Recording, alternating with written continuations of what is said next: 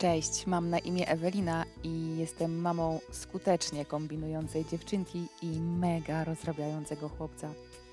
Słuchasz pamiętników sarkastycznej matki. Jeśli masz ochotę na odrobinę rodzicielskiego humoru, to jesteś w dobrym miejscu. Zapraszam na krótkie historie o naszych przygodach. W rolach głównych 30-letnia mama, trzyletni syn oraz pięcioletnia córeczka. Dowiedziałam się ostatnio, że mózg dziecka do trzeciego roku życia jest tak przeładowany synapsami, połączeniami neuronowymi i innymi smakołykami, że gdybyśmy chcieli utrzymać w naszym ciele taki organ jako dorośli ludzie, musielibyśmy zjadać, uwaga, 40 tysięcy kalorii dziennie. Wyobrażacie sobie tą górę pysznych, pyszniuteńkich czekolad, które trzeba by było pożreć? Wow. Jeśli te statystyki są faktycznie rzetelne, to wyobraźcie sobie, jakie małe maszyny do myślenia macie w swoich domach. Niewiarygodne. Ale nie martwcie się, większość tych połączeń kasujecie, zanim stajecie się dorośli. Szokujące, prawda? Osobiście mówię tej tezie absolutne tak. Z całą pewnością potwierdzam ogromne zapotrzebowanie energetyczne naszej polskiej młodzieży. Wiem, wiem, że są na sali rodzice niejadków i wiem, uwierzcie mi, jak trudne może być namawianie dzieci do posiłku. Lecz po pierwsze, nie ma to żadnego związku z moimi dziećmi. Po drugie, chciałabym opowiedzieć Wam fascynującą anegdotę o moim jakże wielkim rodzicielskim sukcesie kulturalnym w odniesieniu do dziecięcego mózgu i konieczności jego żywienia. Moje cudowne dzieci zjedzą wszystko, wszędzie, w szczególności w gościach i absolutnie w nieograniczonej ilości. Jednak, wiecie, nie samą parówką człowiek żyje. I czasem przychodzi mi do głowy taka błyskotliwa myśl, że warto od najmłodszych lat zapoznawać dzieci z kulturą i sensownym otoczeniem wokół nich. Nie ukrywam jednak, że kiedy wracam do domu z pracy, to najzwyczajniej w świecie po prostu mi się nic nie chce.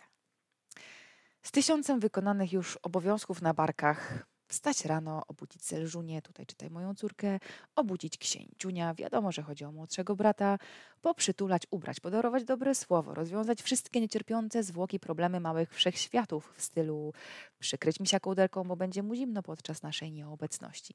Wyjaśnić, czemu śnieg jest biały, a może być żółty. Przekręcić fioletowy wazon pod kątem 30 stopni do równoleżnika przebiegającego przez afrykańską Saharę, bo tylko to da psychiczny spokój moim dzieciom.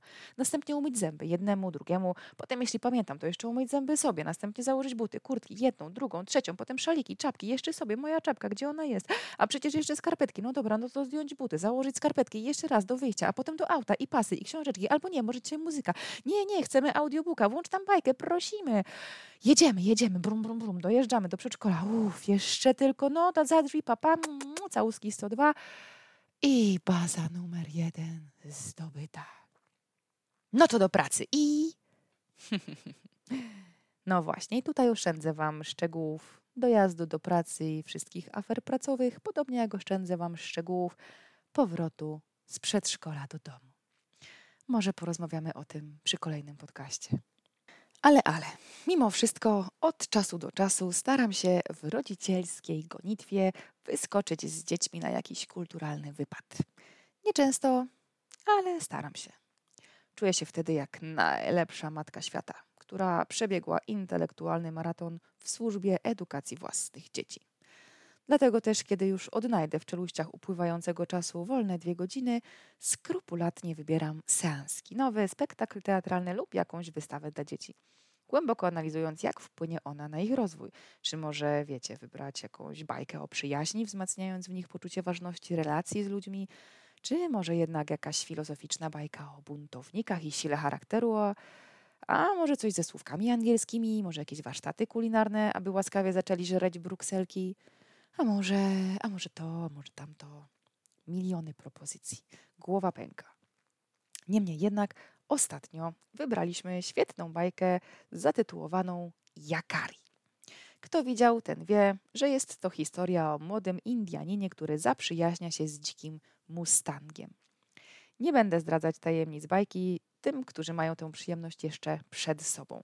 Ale zapewniam, że znajdziecie tam same smakołyki. Odwagę, męstwo, lęk, strach, miłość, przyjaźń, piękne animacje, znakomitą muzykę, emocje, no cud, miód.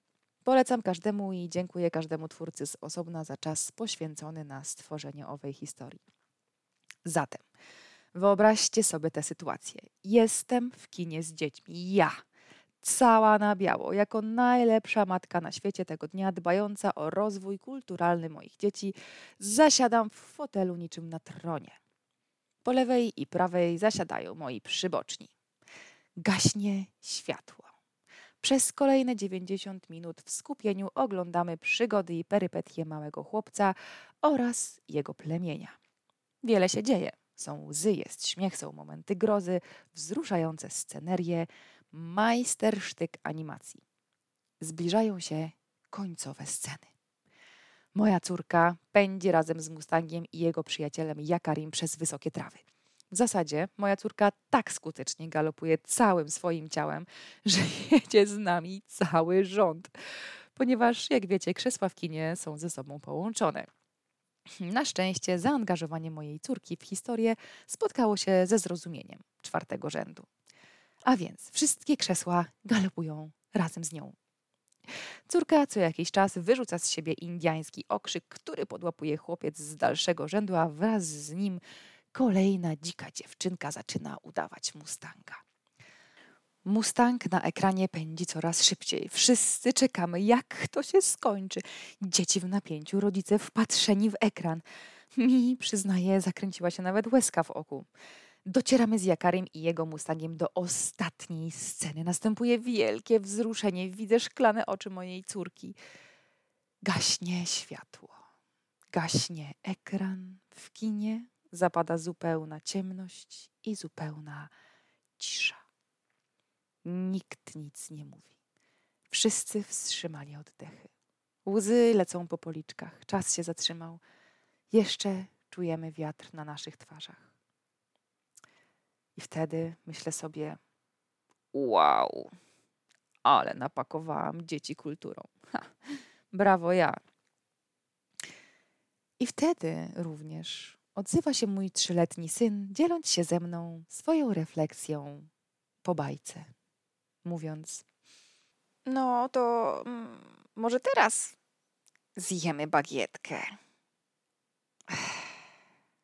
Ach, to żywienie mózgu i cała kultura sprowadza się do drożdży.